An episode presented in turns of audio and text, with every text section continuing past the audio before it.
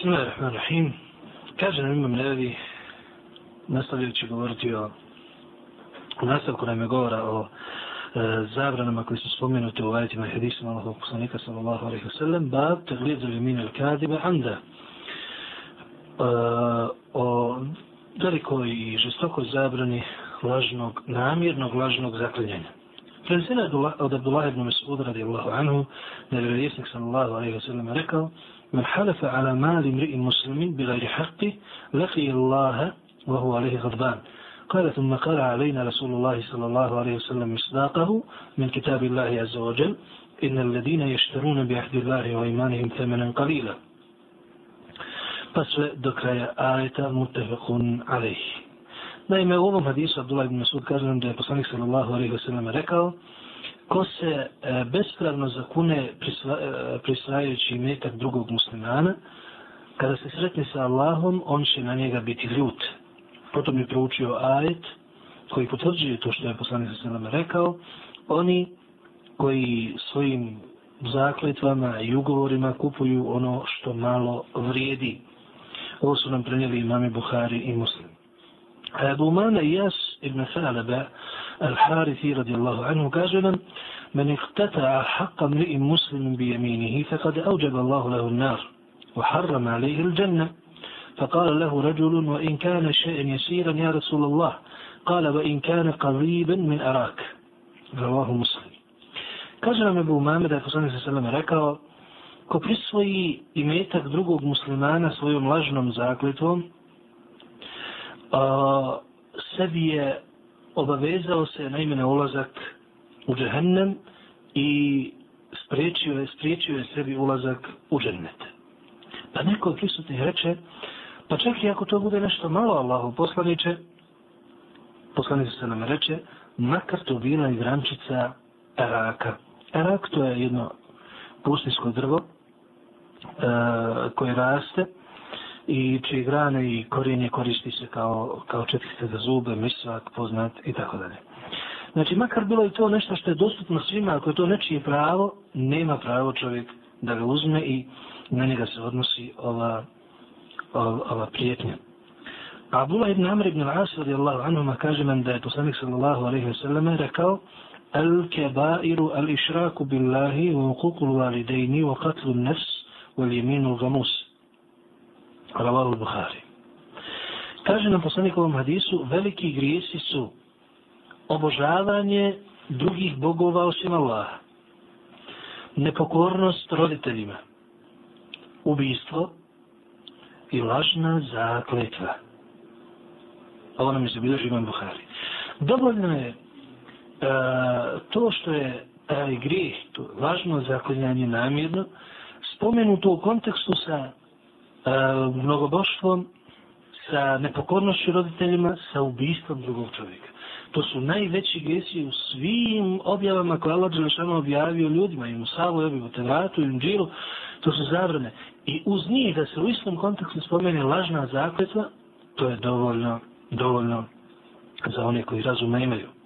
A u drugom rivajetu, u drugoj predaji, predajem stoji, da je neki beduin došao vjerovjesniku sallallahu alaihi wa sallam i rekao, ja Rasulallah, melke bair, Allaho poslaniće, koji su grijesi veliki Pa je on rekao, al išraku billah, obožavanje drugih bogova uz Allaha, kada thumma mada, čovjek je ponovo pitao šta potom, rekao je al jeminul gamus, lažna zakletva ili zakletva koja se zove al gamus.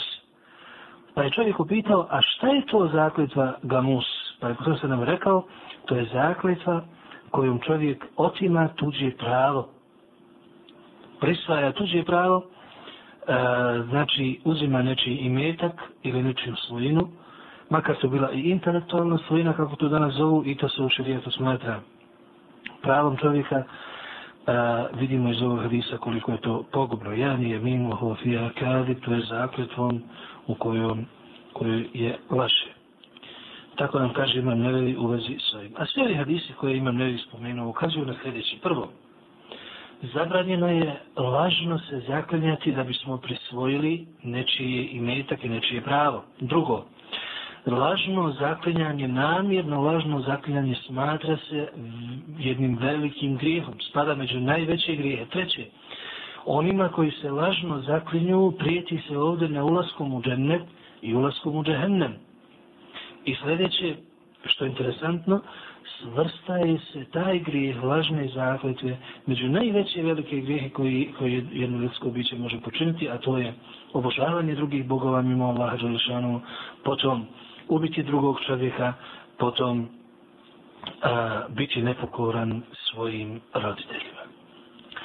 U nastavku govora o lažnim zakletvama, odnosno o zakletvama uopšte, imam nevevi dalje na sljedećem naslovu kaže pohvalno je i lijepo je kada se čovjek zakune pa vidi da, će, da je nešto drugo bolje da prekrši svoju zakletvu i da se iskupi za nju. Naime, čovjek nekada kada mu se dogodi nešto, izazove to kod njega određene, određene emocije i slično, i onda se zakune da nešto neće uraditi ili da će nešto uraditi. Pa recimo, zakune se, čuje nešto o komši ili prijatelju i slično, kaže, e, nikad više neće otići kod njega i kaže, tako mi Allaha neće otići kod njega i tako dalje, ili kaže svojoj ženi, tako mi Allaha neće nikad više otići kod svoje sestre ili kod svojih roditelja ili kod svoje roditelja i tako dalje. I to su, to su stvari kojima, kojima se sprečava jedno dobro djelo kao što je prijateljevanje s dobrim ljudima, obilazak prijatelja, komšija e, i tako dalje. Kaže posle se, odnosno imam nevevi ovdje prije, prije hadise, kaže nam da je lijepo i pohvalno takve zakljete prekršiti i onda se iskupiti, iskupiti se za njih, a vidjet ćemo koji je širijetski iskup za takve zakljete. Prenio nam je Abdurrahman ibn Samura, radijallahu anhu, da je poslanik sallallahu alaihi wa sallam njemu rekao, إذا حلفت على يمين فرأيت غيرها خيرا منها فأتي الذي هو خير وكفر عن يمينك kada se zakuneš na nešto i vidiš da je drugo dijelo bolje, znači bolje je prekršiti tu zakletu i uraditi to što smo rekli da nećemo. Uradi ono što je dobro i ono što je bolje i iskupi se za svoju zakletu. Znači, uradi iskup i neće, nećeš imati posljedica za nju. A Ebu Hureyre radi Allahu anu kaže nam da je poslanik sa sallam rekao men hadefa ala jeminin fara'a gajraha khaira minha fel yukathiran jeminihi u lifali ladi huwa khair. I Ebu Hureyre nam prenosi da je poslanik e, rekao isto to u hadisu u kojem stoji ko se zakune da, da, će, da nešto neće uraditi pa vidi da je e, veće dobro da uradi to onda neka se iskupi za svoju zakletu i neka uradi e, ono što je dobro.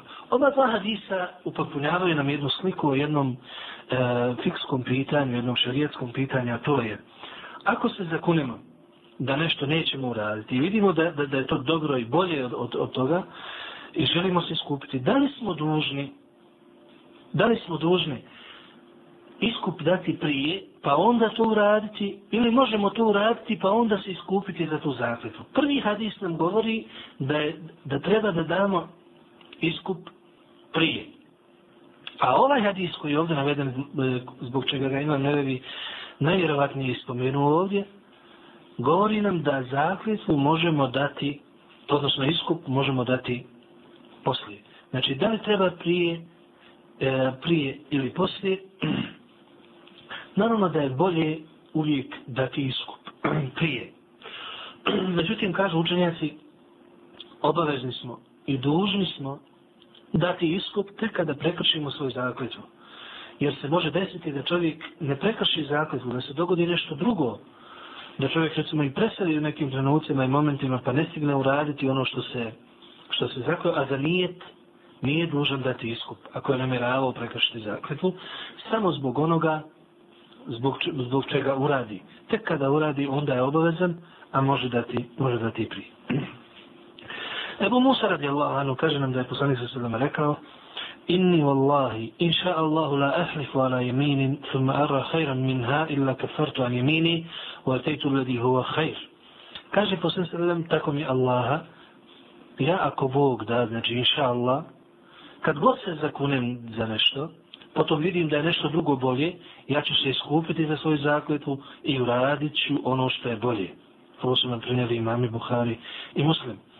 A Ebu Hureyre radi Allah fanu kaže nam da je poslanik sallallahu alaihi wa sallam rekao da an jeledde ahadukum fi jeminihi fi ahlihi asimu lehu آثم له عند الله تعالى من أن يعطي كفارته التي فرض الله عليه Pardon. Kaže nam Ebu Hureyre radijallahu anhu da je poslanik sallallahu alaihi wa sallam ovom hadisu rekao veći je grijeh biti uporan u svojoj zakletvi koja nije dobra neko da to prekrši pa da da iskup za ono što mu je Allah Đelšanu odredio. Znači, iskup za tu zakletvu. Tako da je ovaj hadis podstiče nas da ako vidimo da je nešto bolje, da u tom slučaju trebamo uraditi to što je bolje, a iskupiti se za svoju zakletvu, jer za zakletvu je propisan, propisan određeni kefaret, odnosno iskup. Nakon govora e, uh, ulazi sa hadisima koji govore o pohvalnosti e, prekidanja zaklete, prekida za, zaklete, znači da bi se uradilo nešto što je bolje. Kažem, imam nevevi da nenamirna zakletva ne uzima se za zlo čovjeku i da ne treba za nju davati nikakav iskup. A to je ono što čovjek govori u svom običaju jest Boga mi, nije Boga mi i slično. Znači ono što se spominje kao vid zaklete što liči, međutim to je više u običaju ljudi, više u običaju ljudi da, da, da tako izgovaraju, ne misle, se, ne misle se tu na neku posebnu zakletu, niti se oni misle zaklinjati na nešto. Pa kaže nam da je Allah Đalešanu rekao u ajetu u kojem se ujedno spominje i iskup koji treba dati za prekršenu zakletvu, لا يؤاخذكم الله باللغو في أيمانكم ولكن يؤاخذكم بما قدتم الأيمان فكفارته إطعام عشرة مساكين من أوسط ما تطعمون أهليكم أو كسوتهم أو تحرير رقبة. فمن لم يجد فصيام ثلاثة أيام ذلك كفارة أيمانكم إذا حلفتم واحفظوا أيمانكم. Allah nas neće kazniti zbog nenamjernog zaklinjanja znači ono što u svom govoru govorite bez namjere da se zaklinjete. Ali će vas teretiti za ono što namjerno se zakunete. A iskup za namjernu zakletvu, za prekršenu namjernu zakletvu je da nahranite deset siromaha osrednjim obrokom kojim hranite svoju porodicu. Ili da obučete deset siromaha, ili da oslobodite jednog groba. Ako nije u stanju da uradi jedno od to troje, neka posti tri dana. To je iskup za vaše zaklete kada se zakunete, a čuvajte svoje zaklete.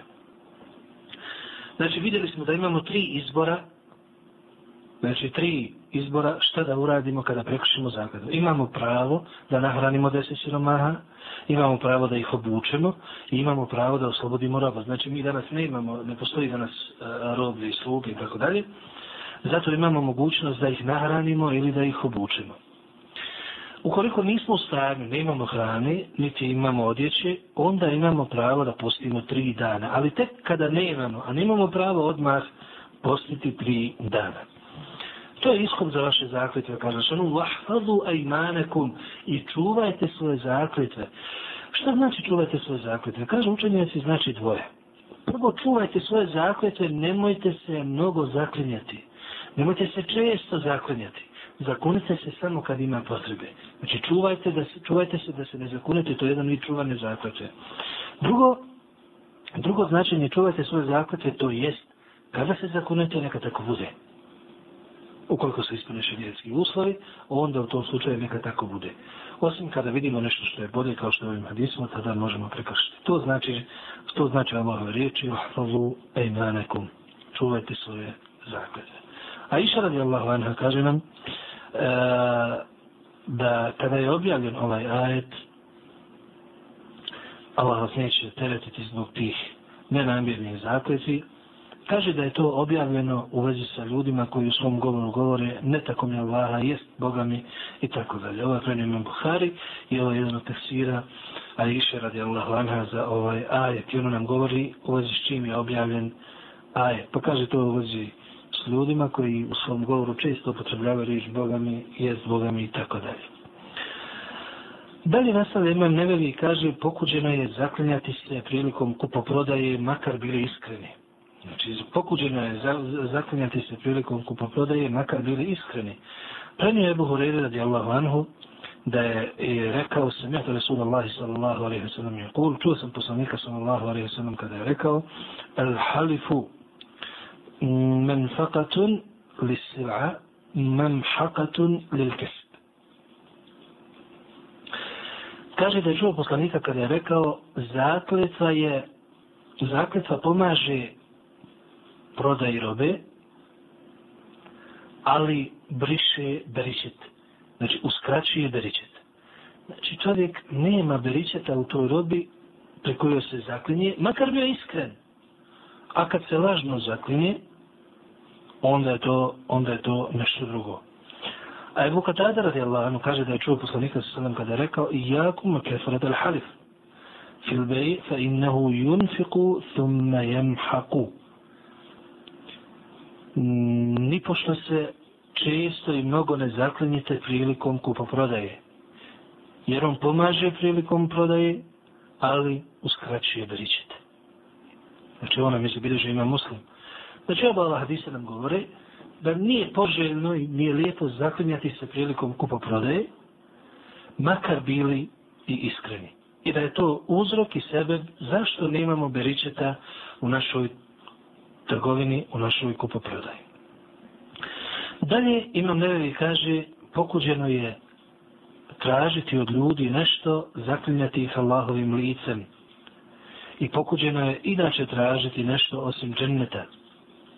A pokuđeno je isto tako uskratiti ili ne dati ako, nam ne, ako nas neko zakune Allahom ili e, zatraži od nas posjećajući nas na Allaha Đalešanu. Či govori nam e, o dvije, dva pitanja, o dvije stvari. Prvo je da ne treba ljude ili bilo šta od dunjalučkog tražiti Allahovim licom, da kažemo tako mi tvoga lice, tako dalje. I pokuđeno je odbiti nekoga ko nas zakune Allahom da mu damo, ukoliko, naravno, imam ne bih to da nije spomenuo, ali učenjaci to napominju, ukoliko ne postoji šerijetska prepreka za to. Pa da vidimo hadise u vezi s tim. Prenesene od Džavira radijallahu anhu da je poslanik sallallahu alaihi sallam rekao la yus'elu bi veći Allahi illa il dženne. Allahovim licem ne treba tražiti ništa osim dženneta. Ovo nam je prenio Ebu Davud u svom, u svom sunenu.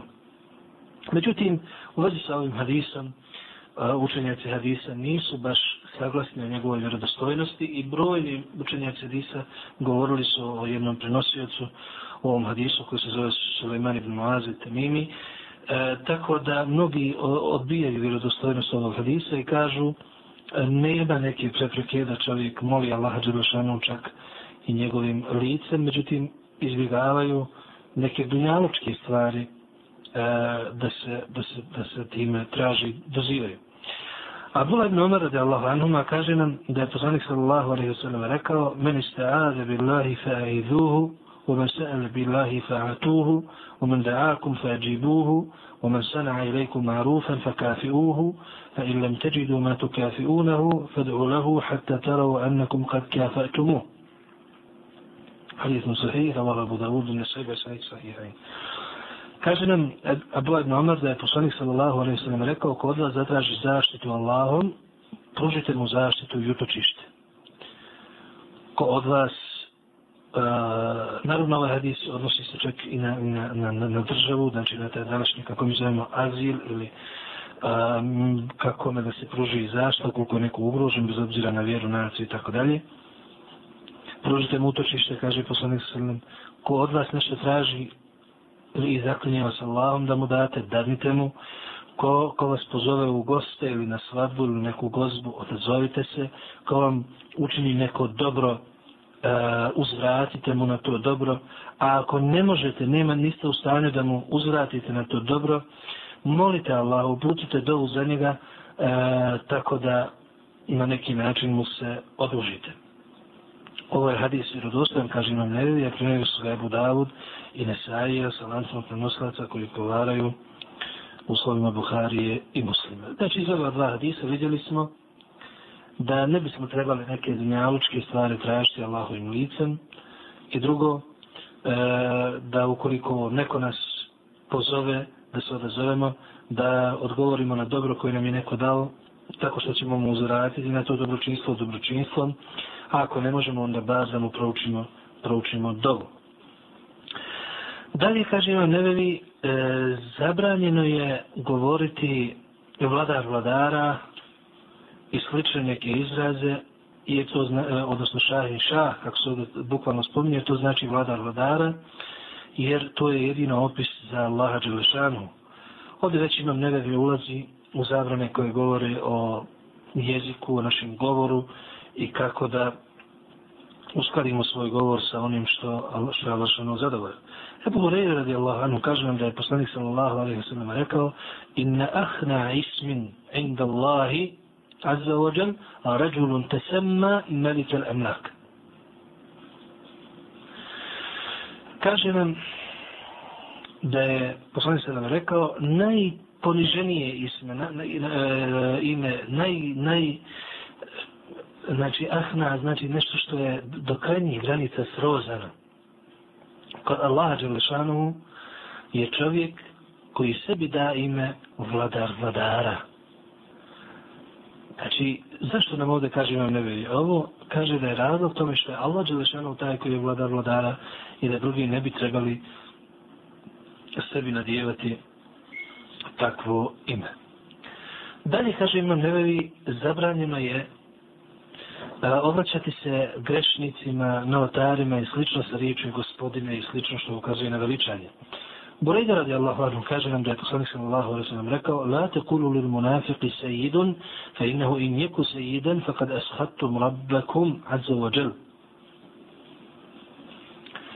Kaže nam uh, Burejda radi Allahu anhu da je poslanik sallallahu alaihi sallam rekao nemojte munaficima, licemjerima govoriti gospodine oslovljavati ih sa gospodine, jer ako je on gospodin kod vas, tada ste naljutili svoga gospodara Azeo Džel, ovo nam je prenio Abu Dawud, sa vjerodostinim lancem prenosilaca, kaže imam nevevi. Naime, šta se ovim želim reći? Ovim se želi reći da svakom treba počiniti dobro ono što, što i zaslužuje.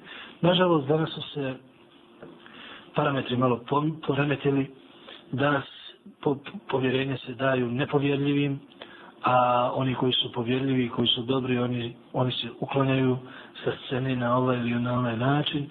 Oni koji ljudima žele dobro ne mogu naći e, mjesta, a oni koji, koji ljude iskorištavaju, koji njihova dobra uzimaju i slično, oni imaju mjesta i oni su i gospoda i ostalo i sve oslovljavaju se na takav način. To je nažalost, nažalost došlo do, do toga. Tako ćemo naći danas da nekada od najgorih zanimanja i najpogubljivih za vjeru čovjeka danas se nazivaju najljepšim imenima, tako da je na taj način prikažu, prikažu se manje ružnim i manje pogubnim.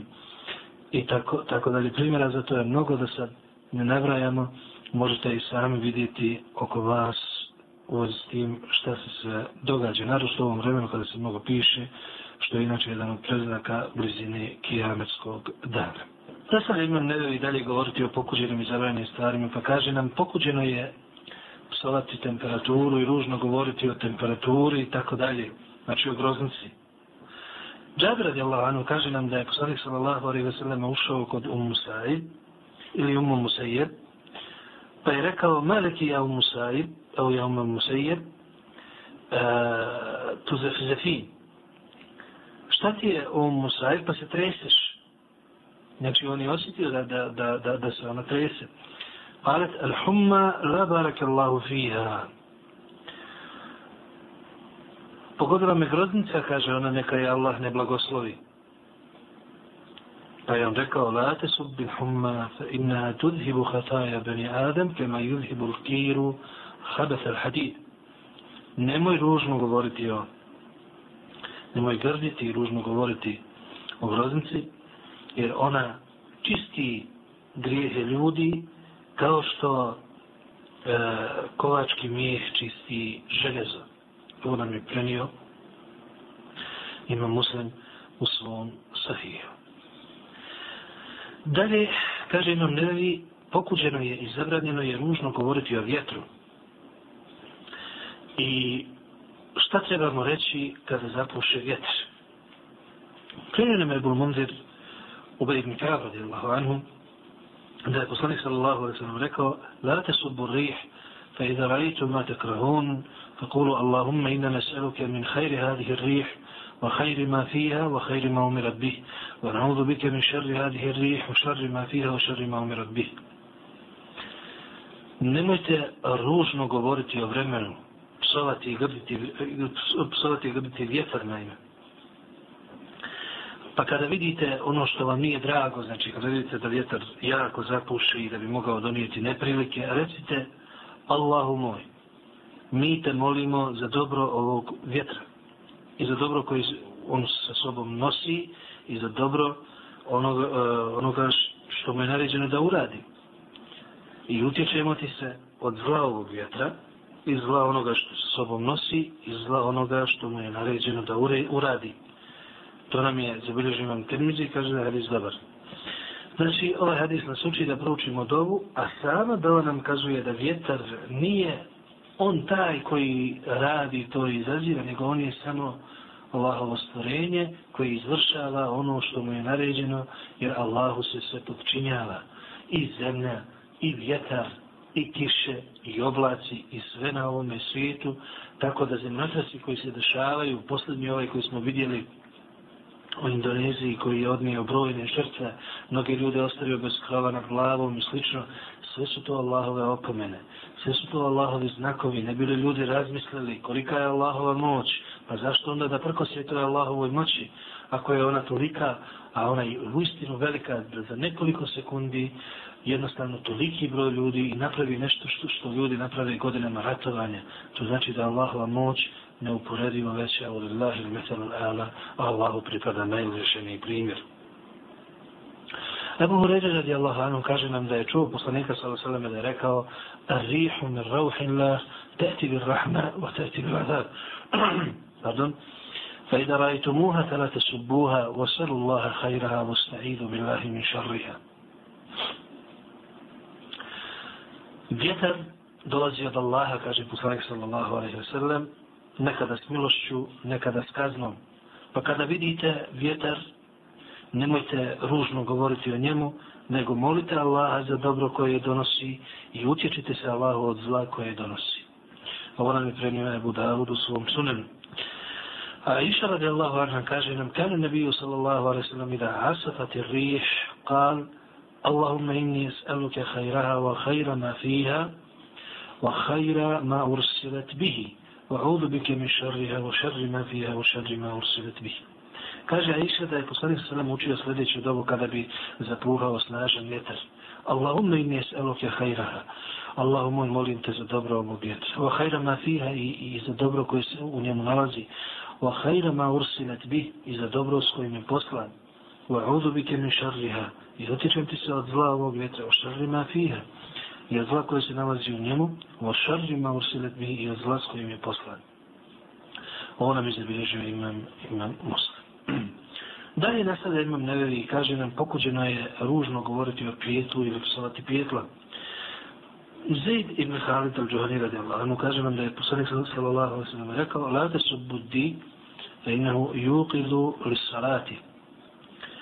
Nemojte, kaže nam poslanik sallallahu alaihi sallam, ružno govoriti o pijetlu jer on budi na namaz. Nime to njegovo jutarnje kukurikanje, e, budi ljude, budi ljude na namaz. Ovo nam je prenio Vodavod i kaže da je dobar, dobar lanac prenosilaca, to nam kaže imam nevevi. Dalje nastavlja imam nevevi i kaže nam,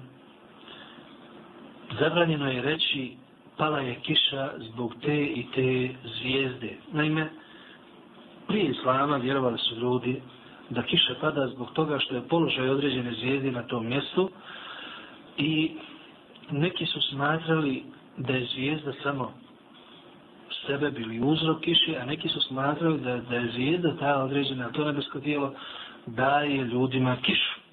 Pa je to poslanje Seleme E, kritikovao i vidjet ćemo u ovom hadisu šta je rekao s tim. Premijer nam je Zid ibn Halid radi Allahu anhu, da je poslanik sallallahu alaihi sallame jedno jutro klanjao sabah na Hudejbiji. Nakon kiše koja je padala te noći, kada je završio s namazom i okrenuo se prema ljudima, rekao je Hel te drune maza hvala rabbukum? Znate li šta je rekao vaš gospodar? Kalu Allahu wa Rasuluhu alam. Ashabi rekoše Allah i njegov poslanik najbolje znaju. قال أصبح من عبادي مؤمن بي وكافر. فأما من قال مطرنا بفضل الله ورحمته فذلك مؤمن بي كافر بالكوكب. وأما من قال مطرنا بنوء كذا وكذا فذلك كافر بي مؤمن بالكوكب. Kaže, rekao je vaš gospodar, osvanili, dio mojih robova je osvanuo kao vjernik u mene, a dio kao nevjernik.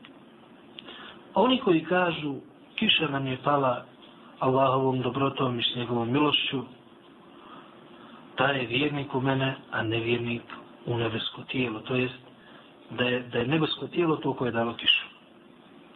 A oni koji kažu kiša nam je pala zbog te i te zvijezde i tog, tog, tog, tog nebeskog tijela, to je nevjernik u mene, kaže Alšanu, a vjernik u zvijezde znači vjeru i uzve. To su nam prenijeli imam Buhari i Muslim. Znači, kiša, kao i sva ostala dobra, dolazi nam jedino i isključivo od Allaha Đelešanu. Neki znakovi mogu biti u prirodi, na osnovu kojih možemo naslutiti da će biti, ali nisu oni ni, ni uzrok, niti, niti oni koji daju, nego je Allah Đelešanu taj koji stvara uzroke i koji daje kišu i dolazi s njegovom milošću i s njegovom da i s njegovom